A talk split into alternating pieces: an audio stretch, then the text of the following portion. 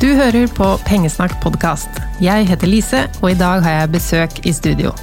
Derja Insidørsund, velkommen hit. Takk. Noen har kanskje sett deg i media de siste månedene. Du har jo en ganske synlig jobb nå. Mm, ja. Du er forbrukerøkonom i Nordea, ja. men du er ikke økonom. Kan du fortelle litt om bakgrunnen din? Ja, jeg har eh, utdanna meg eh, til å bli advokat. Eh, så jeg har jobbet, i, eh, jobbet som advokat i flere år. Både i advokatfirma, og så har jeg vært òg i Nordea som juristadvokat. Og så begynte jeg i stilling som forbrukerøkonom. Ja. Og det vi skal snakke om i dag, er jo jussen. Det er jo noe som kan handle om ganske store penger, og ganske store følelser også. Ja. Og så er det jo litt sånn at vi syns jo ikke det er noe gøy å snakke om død og samlivsbrudd, og, men du mener at det er viktig å snakke om? Det er veldig viktig, og det er nødvendig å, å snakke om disse tinga. Eh, og for noen så er det litt eh, vanskelig å begynne å snakke om testamenter, f.eks. når du er i en alder av 30. Eh, eller i det hele tatt snakke om samboeravtaler når Altså når, når forholdet er nytt og kjærligheten bare blomstrer. ikke sant? Så, men, men, det er nødvendig, og, eh, og det mener jeg òg fordi at eh, da jeg jobba i Nordea som eh, som juridisk rådgiver og bisto kunder, så så jeg hvor viktig det var for veldig mange å, å, å ta opp, men òg samtidig hvor vanskelig det var for noen. Hvis vi snakker Altså, vi starter rett på med døden. Hvem er det som arver mine penger og eiendeler og gjeld også når jeg dør? Mm. La oss starte med en person som er alene. Ugift og uten barn. Mm. Uh, ugift uten barn. Uh, altså har du samboer, så er det jo ikke samboeren din som arver deg. Fordi her har dere ikke felles barn. Sånn at arven din går da først til dine foreldre, hvis de er i live. Hvis ikke, så går du da til dine eh, søsken, eller, og, og videre nedover. Uh, har du ingen der heller, så skal man da se hvem du har i den andre klassen, da, arveklassen. Og da ser man i forhold til um, tanter, onkler, søskenbarn og fetter. Så der stopper det. Ja, Så når man hører at noen har arva fra en rik onkel i Amerika, da er det i den andre arveklassen? Ja, det, da er det fordi den rike onkelen ikke har hatt eh, barn eh, eller eh, foreldre eller søsken i live. Mm. Mm. Men hvis det er en enslig, og foreldrene lever fortsatt, men man vil ikke at foreldrene skal arve? Da må du skrive et testament. Så det går an? Absolutt. Så lenge du ikke har livsarvinger, så, så er det ingen begrensninger i testasjonsfriheten din. Sånn da står du fritt til å testamentere hva du vil, til hvem du vil. Men livsarvinger, det betyr egne barn? Ja, takk, ja. takk for å si det. Jeg glemmer det, vi holder meg til termologien, så fint du påpeker det. Ja, det betyr egne barn. Ja. Eh, så de kan man ikke velge å ikke arve noe til, selv om Nei. man er fiender? Ja. I Norge så kan du ikke gjøre barna arveløs. Jeg har fått det spørsmålet så mange ganger. Eh, så må, noen må ikke bare skuffe og si nei, du, barna skal ha sin arv. Og det er pliktdelsarven, som da er to tredjedel av det du etterlater deg. Eh, fordelt på antall barn du har. Og så kan du begrense det da. Eh, hvis du da har litt stor formue, så kan du begrense det til minimum da én million per barn. Ja, Så utover det så kan jeg velge å gi det til noen andre? Ja, men har du ektefelle, så, må, så kommer ektefellearven foran det igjen. Sånn at det, hvis, man det, hvis, man tar det med i beregningen, både ektefellearven og barnas arv, så er det ikke så stort du sitter igjen med som du fritt kan testamentere bort. Nei, For ektefellen skal også ha en tredjedel, da? En fjerdedel, en fjerdedel. skal ektefellen ha. Ja. Så barna skal dele to tredjedeler, ja. Og ektefellen skal ha en fjerdedel. Ja. Men det er hvis du da, si hvis du ikke skriver et testament, så er det jo sånn at eh, ektefellen arver en fjerdedel, og så er det resten som går til barna. Så da kan man tenke, hvis du ønsker å testamentere noe til noen andre, da kan du da begrense det til to tredjedel. Eh, sånn at det, hvis du ikke skriver testament, så, så går resten til barna etter ektefellen har fått sin del. Med mindre ektefellen velger å sitte i uskifta bo. Ja, Det må vi snakke om, for det er det mange som lurer på. Hva Ja. betyr bo, uskifta bo? Ja, det betyr at man utsetter fordelingen av arven. Sånn at den som sitter i uskiftebo, sitter med alle verdiene eh, etter eh, avdøde. Eh, og så må barna til avdøde da vente med far eller mors arv før lengstlevende òg har gått bort. Ok, Så hvis vi har et gammelt ektepar her nå, Mm. og han dør, og hun blir da sittende i det du kaller for uskiftebo, Ja. og da betyr det at barna får ingenting før hun også har gått bort? Ja, Men det forutsetter at dette er felles barn. Ja. Fordi du kan ikke sitte i uskiftebo med særkullsbarn, det vil si barn fra tidligere forhold, som ikke er dine egne. Sånn at det sier hvis du har en dame som er lengstlevende Vi bruker det fordi eh, statistikken sier at kvinner lever lengst. Eh, Og, og, og hennes, eh, hennes mann han har gått bort, og de har tre felles barn. Så, og det er ingen testament. Så det hun kan velge å gjøre da, og si til barnet at jeg velger å sitte i uskiftebo med midlene til pappa. Men må hun si fra, eller kan hun bare gjøre det? Nei, hun kan bare gjøre det. Ja. Gjøre det. det kan hun bare gjøre, for dette, det er den retten hun får i henhold til loven. Eh, Men hadde disse barna Si at to av disse barna var særkullsbarn, altså hans barn fra tidligere forhold, hvor de da kun hadde hatt ett felles barn. Så kunne hun sagt da overfor det ene felles barnet at jeg velger å sitte eh, i uskiftebo med den delen som tilfaller deg. Men det kan du ikke gjøre med de to sirkelsbarna. De kan kreve å få pappas arv umiddelbart. Ja. Mm. Så hvis de bor i et hus, og egentlig hele formuen er i huset, så har ikke hun noe valg om å bli boende der så lenge han har noen barn? Riktig. Da må hun selge huset, så må hun betale ut eh, særkullsbarnet. Men, men så har du jo tilfeller hvor særkullsbarna da samtykker til at eh, stemor eller stefar da kan sitte i uskiftebo. Eh, og mitt råd er alltid at, eh, og det er typisk, altså da, da tenker jeg mer de som har hatt, vært gift i mange år, ikke sant, og du og, og, og du har vært en familie med disse barna, og de har vokst opp sammen med deg, så, så er det jo veldig naturlig at disse særkullsbarna da samtykker i at stemor eller stefar da sitter i uskiftebo. Og det har jeg opplevd mangt ganger, eh, da jeg har eh, bistått eh, flere i forhold til dette, hvor det er særkullsbarn som sier ja, det samtykker jeg til, og så signerer de en sånn eh, samtykkeerklæring, eh, og så er den bindende. Ja. Og da gjelder det så lenge hun vil bli boende i huset, eller til hun faller fra også? Hun må, ja da, hun kan, hun kan sitte i uskifte til hun faller fra, eh, men, men hvis hun gifter seg da, så må hun skifte. Ja. Ja, og hvis hun da, eh, hvis boet da blir uh, altså Hvis man da bruker midler som er kritikkverdige, altså at, at du, du um, sløser bort formuen, uh, og, og, og særkullsbarna da reagerer, uh, så kan man da gripe inn og kreve at, uh, at man da skifter boet. Ja. Så hvis du ser at hun begynner å bruke veldig masse penger, Ja, bruker opp arven. For når du sier bo, så er det egentlig det samme som arv, alle eiendeler. Alle eiendeler. Ja. Ja. Det er alt som Det kan være bolig, bil, hytte, aksjer, eh, penger på spar. Absolutt alt av verdier. Ja. Og hva med gjeld? Man arver det også. Ja, du, du tar over gjelden òg. Kan man si nei til en arv? Ja, det kan man. Ja. Hvis man ser at det er mer gjeld enn verdier, så, så kan man si nei til arv. Mm.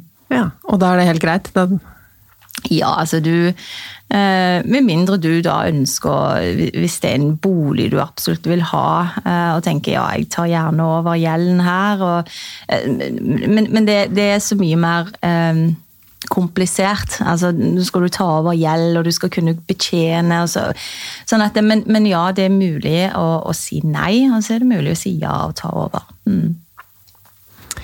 Um, og du snakka litt i stad om testamentet, hvis man ikke har testamentet. Men hvis man skal lage testamentet, Jeg vet ikke om jeg kjenner noen som har skrevet et testamente. Er det vanlig? Eller er det dyrt? Eller er det vanskelig? Hvordan gjør man det? Ja, det er, eh, det er vanlig, og det har blitt mer og mer vanlig å skrive testament blant de unge òg. Altså når jeg sier unge, gjerne slutten av 20-årene, 30 50-årene. Eh, nå er jo 40-50-åringer òg unge, altså, det er ikke det. Men litt den yngre generasjonen. Ja. Og, eh, og, det er fordi man tenker, særlig når man nettopp har fått barn, så blir man jo mer bekymra. Eh, for, eh, for, partneren sin, for barnet. Eh, og så tenker man da ok, hva skjer hvis jeg det er forferdelig å si, da, men, men i en bilulykke ikke sant? Mm. Og, og, og faller bort, hva skjer da? Eh, sånn det, det, tenker man på, og så skriver man et testament eh, om man er samboer eller gift. Og det opplever jeg hos eh, veldig mange i den generasjonen da, som har begynt å tenke på det. Og da må man ta kontakt med en advokat? Eller kan man gjøre dette hjemme, eller? Man kan gjøre det hjemme, men, men det er jo en del eh, Det er en del ting som må være på plass for å få det testamentet godkjent. Eh, og det er typisk at du må ha to vitner eh, som, som, må være til stede samtidig eh, som du signerer. Og, eh, disse vitnene kan ikke øh, være i familie med deg. Altså, det er litt sånne ting du må forholde deg til, da. Men, uh, men også er det viktig at du kjenner til eh, reglene rundt det.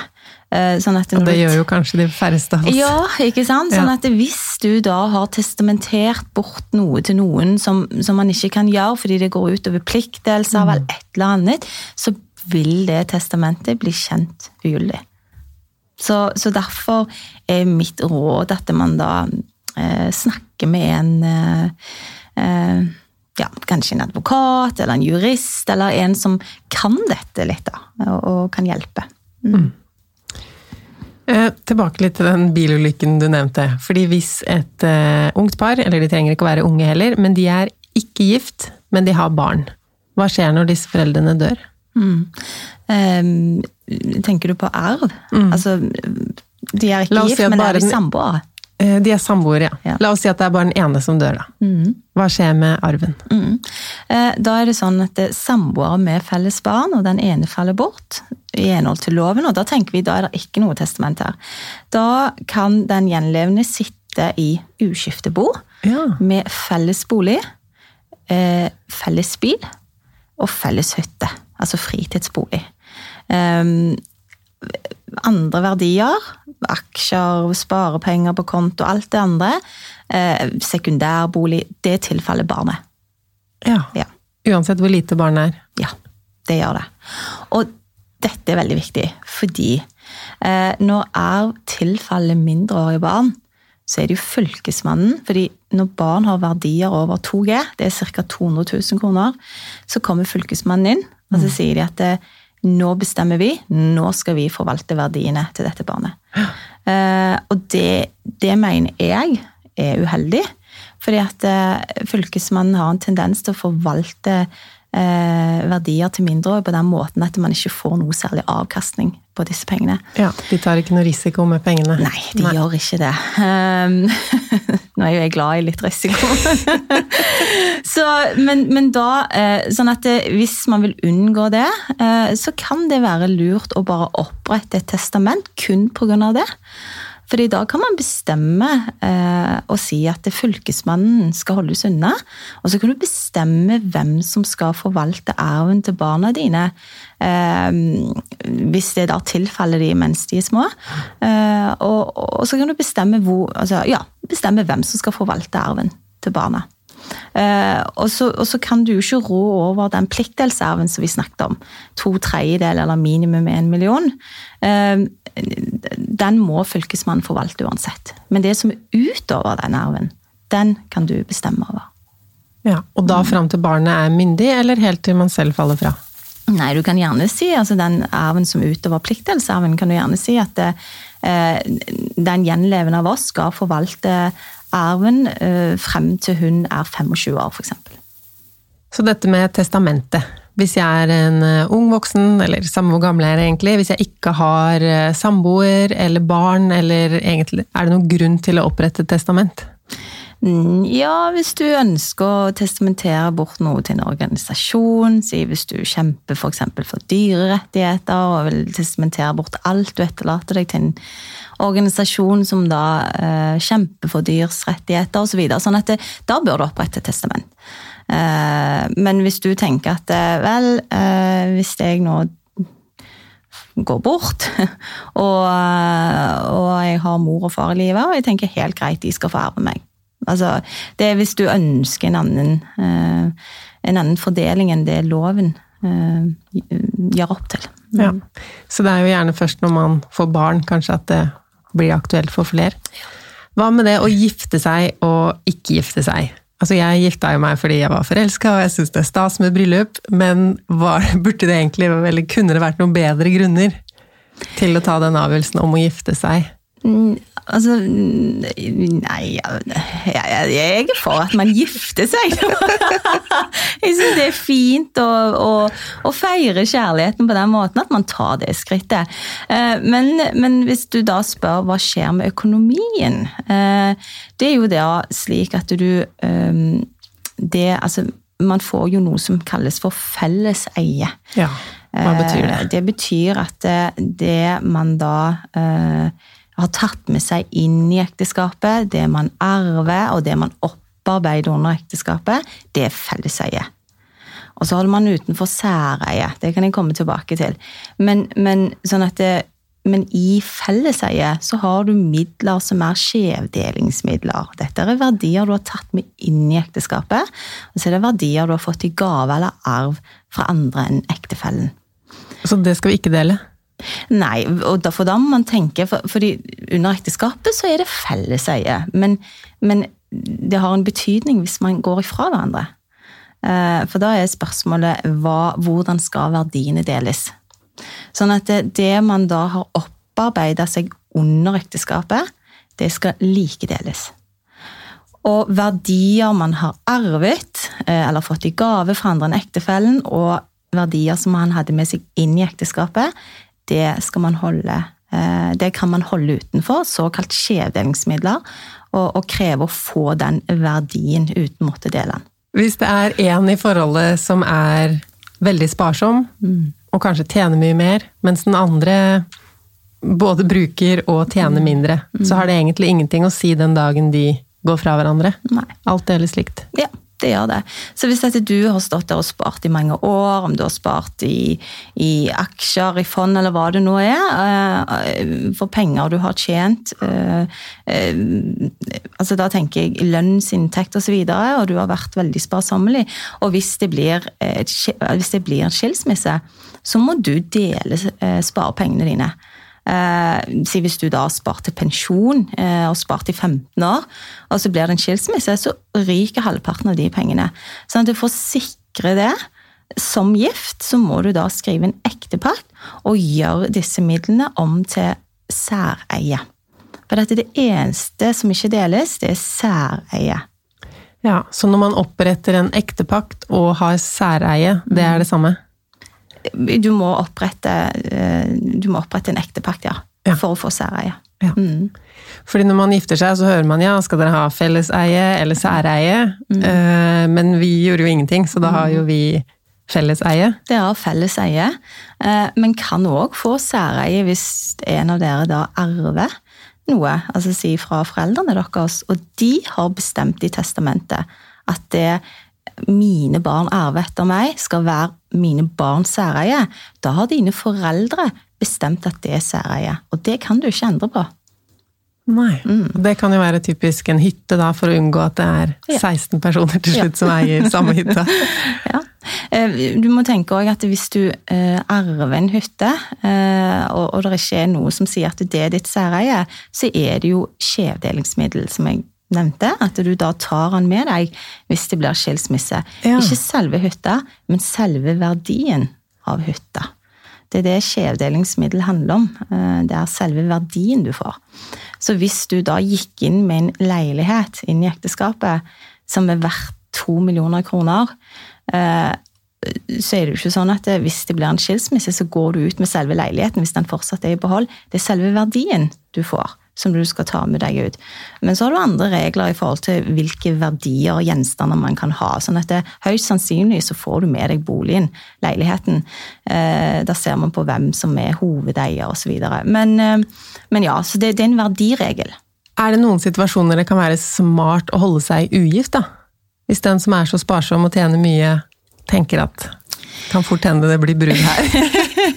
jeg tenker, Hvis du vil gifte deg, så skal du gifte deg. Eh, jeg synes Kjærligheten skal uansett feires. Men, men, men, hvis du har store verdier, og du er redd for at de skal forsvinne ved en eventuell skilsmisse, eh, så kan man opprette en ektepakt. Og det kan du fint gjøre før du gifter deg. Fordi i den ektepakten så kan man gjerne krysse av at vi skal gifte oss, og så skal vi ha den og den ordningen. Sånn at det, Hvis du er en som vil sikre deg før du gifter deg, så kan du opprette en ektepakt allerede da. Du finner skjema på nettet, eh, ektepaktskjema, og så er det bare til å krysse av det som passer deg. Men da må du jo vite hva, ja, hva innebærer særeie. Hva innebærer altså, eh, Fordi det er så mye annet man kan krysse av der. Man kan gjerne si alt vi eier, eller det og det og det skal være særeie i levende livet. Men hvis det er døden som skiller oss, så skal det bli felleseie. Ja, det må du fortelle mer om. Ja. Man kan ha ett oppsett hvis det blir skilsmisse, og ett oppsett hvis når det kommer til død og arv. Ja, det, det er rett og slett bare et kryss inne i altså, selve ektepakten.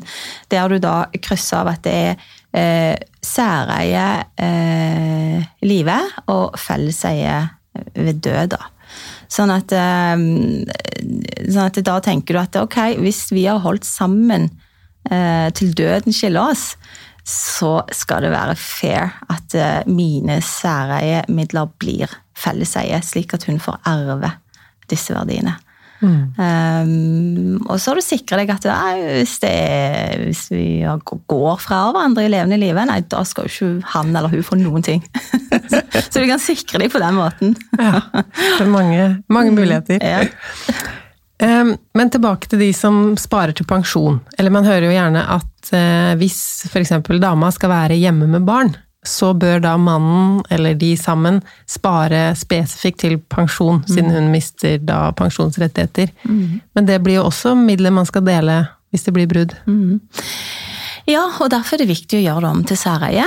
Eh, hvis man er samboer, så, så, kan man jo da opprette en, en, eh, en, konto eller en fondskonto eller hva det nå du vil ha. Eh, kvinnens navn, da, hvis det er kvinnen som er hjemme. Nå, jeg, nå kaller jeg jo disse såkalte kvinnefellene som jeg har vært innom før. Men, men, da, men som gift så, så, bør man gjøre det om til, til særeie hvis det er en sparing til din pensjon, fordi du har vært hjemme i flere år med barn, mens han da har vært ute og, og, og jobbet og, og, tjent opptjent eh, tjenestepensjon i en betydelig mer grad enn den du har gjort. Ja, Så hvis man er samboere, så holder det at kontoen er i hennes navn, men hvis man er gift, så må det skrives. Ja.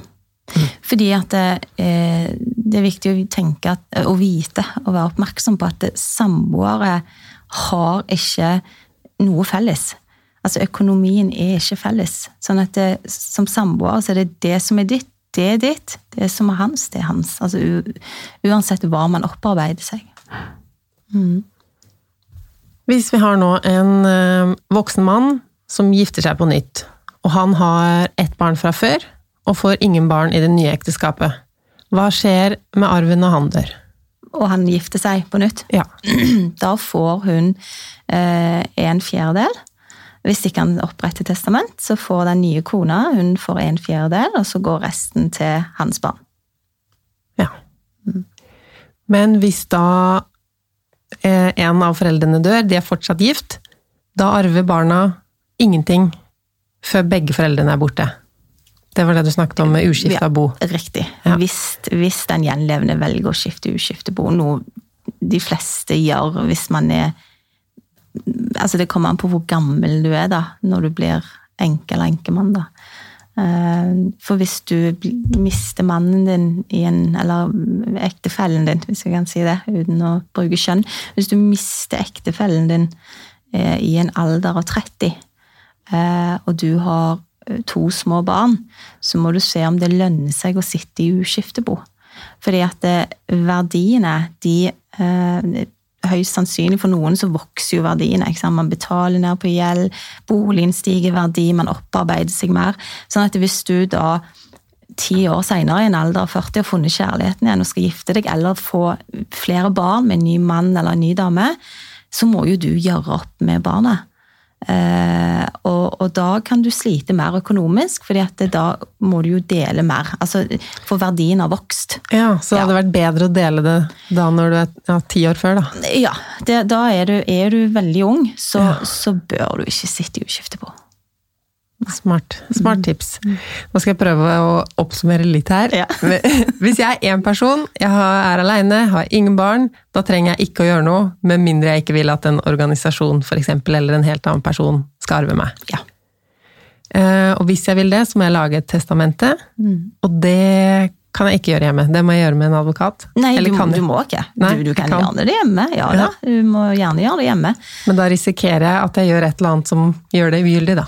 Ja, særlig. Da tenker jeg mer på de som kanskje den moderne familien. Det er mine, dine, våre barn. sånn at da bør man kanskje ta kontakt med en som kan dette. Ja. Men et eksempel at du er alene, eh, og du, du kan jo testamentere til hvem du vil. sånn at det, det testamentet kan du gjerne skrive sjøl, så lenge ja. du har to vitner som er til stede samtidig osv. Eh, hvis det, nå bare kommer jeg på et eksempel til. Hvis det er en eh, familie, da, de har ett barn fra før, og så har de ett barn sammen. Og så dør den ene forelderen. De er gift. Hvem arver hva? Altså to barn fra tidligere på begge sider, og så ett felles barn. Ja. ja. Og den ene dør. Da er det slik at den som lever igjen, den som er lengstlevende, den kan da sitte i uskiftebo med den eh, arven som skal til felles barn. Ja. Eh, men den delen som skal til eh, avdødes barn, mm. eh, den får dette særkullsbarnet. Altså fordi at det, det er barn Hvis vi kan ta kvinne-mann og hvis vi da denne gangen sier at eh, kvinnen dør, og så eh, har både kvinnen og mannen barn fra tidligere, så har de ett felles barn. Eh, og når kvinnen dør, så kan mannen sitte i uskiftebo med den delen av arven som går til deres felles barn, som er en datter, f.eks. Og så har jo denne kvinnen en sønn fra tidligere. Han kan kreve å få morsarven umiddelbart. Men den mannen, altså gjenlevende mannen, han har jo òg en sønn. Sånn at han har ingenting med denne kvinnens arv å gjøre. Sånn at han, han får ingenting. Fordi, fordi Nei, ikke sant. Han har jo sin egen mor. Riktig. Ja. ja. Mm. Mm. Men så kan det være at denne sønnen, da Det er jo så mye her. Men så kan det være at denne sønnen da har samtykket, øh, kanskje på forhånd, og sagt at det er greit, stepappa skal få lov til å sitte i uskiftebo. Da sitter du med alt. Og det kan jo kanskje være et råd til øh, voksne som da gifter seg på nytt og har barn på alle kanter, at den avtalen blir inngått på forhånd. Ja. Sånn at man slipper å da måtte selge huset samme høsten som man mister ektefellen sin. Altså det er mye på en gang. Absolutt. Og det en må tenke på, eh, og det kan skje med den beste, at når det kommer til arv, eh, så, så kan det skape mye konflikt i en familie. Eh, og jeg har bistått flere som har tenkt og trodd at det, men det vil jo ikke være et problem. At, det, at det særkullsbarnet samtykker. Vi er jo så glad i hverandre, vi kommer så godt overens. Så det er sånn, ja, men den dagen, hvis den dagen kommer, så er det ikke sikkert han eller hun syns det er greit. sånn at det, det samtykket bør man innhente på forhånd. Og da er det lurt at man samles som familie og prater om dette. Sånn at det ikke blir noen vonde følelser eh, når, eh, når, den ene har gått bort. Eh, så, så, dette, man bør ta en sånn familiesamling på sånne temaer. Ja, for det er jo gjerne noe man ikke har tenkt på før eh, en da tar det opp og tenker på det, og da er det jo lurt å Mm. Ja, helt som du sier, å samles. Eh, men den, det samtykket er også noe man kan tidsbegrense? Nei da, har du først gitt samtykke, så, så har du gitt samtykke. Ja. Sånn at eh, hvis du i dag da gir samtykke til at eh, stefar skal sitte i uskiftebo, og så angrer du to år etterpå, så kan du ikke gjøre noe med det. Selv om mamma og pappa le, altså, altså at alle lever fortsatt. Du har gitt ditt samtykke. Eh, og den kan du ikke trekke tilbake. Så derfor må du tenke nøye over det. Fordi at det, det kan jo være du kan, du kan tenke to ting her. Ok, enten så, fordi når du sitter i uskiftebo, så kan du bruke uh, alt på deg sjøl. Du kan selge verdier, du kan jo ikke gi eiendom i gave. Og så kan du ikke gi store gaver som er et misforhold til boet. Altså, ja, så det er si, noen regler der? Absolutt, det er noen regler der. Sånn at det, uh, hvis du sitter i et uh, Altså, hvis du sitter med verdier som er la oss bare si verdt tre millioner, så kan du ikke bare plutselig gi bort én million kroner. Eh, det, det, har du ikke lov til. Men om du gir bort 10 000 her, 5000 her i gave, så, du, så, kan man jo ikke gjøre noe med det. Um, sånn det kommer an på hvor store verdier du gir i forhold til bods um, verdi, da. Så Nei, ja. Mm. det er jo så mye så jeg må prøve ja, og Jeg vil innom alle temaer, og nå er jeg tilbake til et ungt par som blir sammen. Så hører man samboerkontrakt, at det er veldig, veldig viktig. Er det så viktig hvis man ikke har felles barn? Ja, det er det. Det er veldig viktig. Um, nå hadde vi, nå hadde nettopp, vi hadde nettopp en undersøkelse som kan ta jord for oss. Og den fikk jeg forrige uke. Den viser at én av to har ikke skrevet samboeravtale. Uh, og halvparten av de igjen svarer at de ikke har tenkt å skrive engang. Mens den andre halvparten sier at de har tenkt å skrive. Ja. Sånn og det syns jeg er litt uh, urovekkende. Fordi at uh, det er så mange som kommer i konflikt ved et samlivsbrudd. Uh, og hvis man har vært samboer i mange år, så er det lett at man krangler om Eh, innbo, eh, om penger, andre verdier man har. Eh, sånn at selv om det som er ditt, er ditt, og det som er partnerens, er partnerens, så oppstår det likevel konflikt. Sånn at det man bør gjøre, er at for det som er vanlig, du kjøper jo bolig, du tar opp lån sammen, ikke sant. Så er det sånn, ok, utad så er dere solidarisk ansvarlig for, overfor banken, men, men, hvilken ordning har man innan? Hvis man da er ansvarlig for en halvpart hver, så bør man få det ned en sammenheng samboeravtale. Uh, og, og, si at Ole er internt ansvarlig for 50% av lånet, og Kari er ansvarlig for den andre halvparten. Sånn at det får det ned. Og, og, og, så er det jo noen ganger at man går inn med ulike eierandel. da. Altså Noen eier kanskje 60% av boligen, mens den andre eier 40 Få det ned. Selv om man får det på skjøtet, få det ned en samboeravtale. Felleskostnader, hvordan skal vi fordele det? Skal vi ha en felleskonto? Eh, hvor mye skal vi putte inn der hver måned? Hvem skal betale for hva? Eh, kanskje har du dyre malerier, ikke sant? Hvem eier de? Er det felles? Så, så få ned ting man eier felles, ting du eier alene, kontoer osv.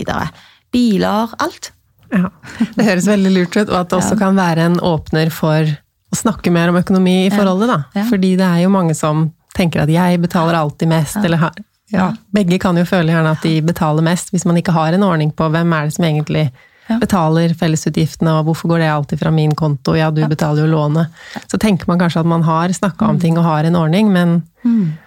Veldig, ja. det, det, er veldig viktig å ha en felleskonto. Eh, sånn at, eh, for da får du en litt sånn større frihet. Ok, Vi er blitt enige om at vi skal putte inn 6000 hver måned, og det skal gå til strøm, mat osv. Og det du sitter igjen med, det kan du bruke med god samvittighet på den måten du sjøl ønsker, da, uten at den andre partneren skal begynne å kritisere deg for at du prioriterer annerledes. Nei, vet du hva, vi har en felles konto.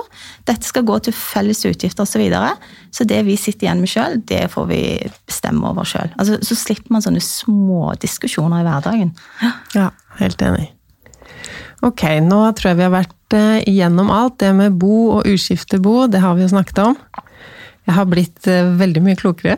ja, men Så hyggelig! Det, det er mening. Altså, jeg, jeg, kunne gjerne sittet og pratet om dette her i sånn fem timer.